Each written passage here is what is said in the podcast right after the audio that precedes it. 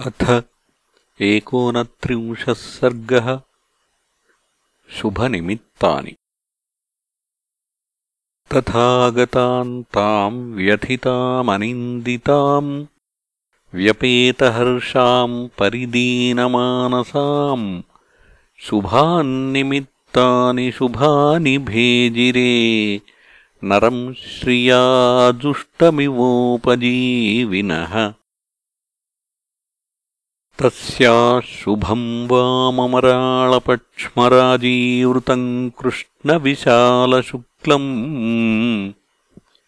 प्रास्पन्दतैकन्नयनम् सुकेश्यामीनाहतम् पद्ममिवाभिताम्रम्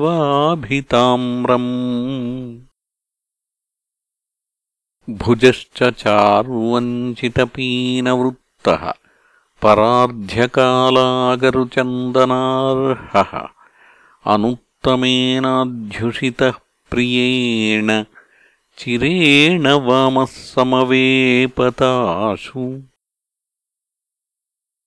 गजेन्द्रहस्तप्रतिमश्च पीनः तयोर्द्वयोः संहतयोः सुजातः प्रस्पन्दमानः पुनरूरुरस्या रामम् पुरस्तात्स्थितमाचचक्षे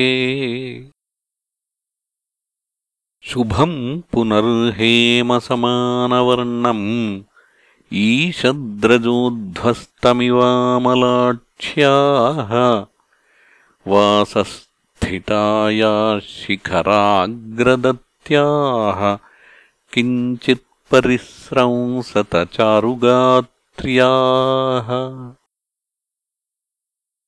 एतैर्निमित्तैरपरैश्च शुभ्रूः सम्बोधिता प्रागपि साधुसिद्धैः।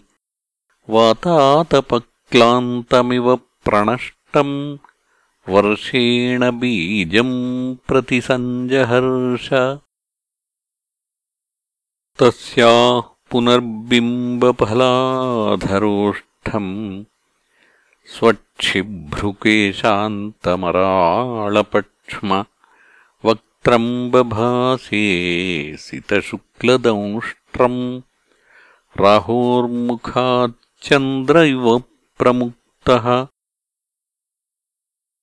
सा वीतशोकाव्यपनीततन्द्री शान्तज्वरा हर्षविवृद्धसत्त्वा अशोभतार्या वदनेन शुक्ले शीतांशुना रात्रिरिवोदितेन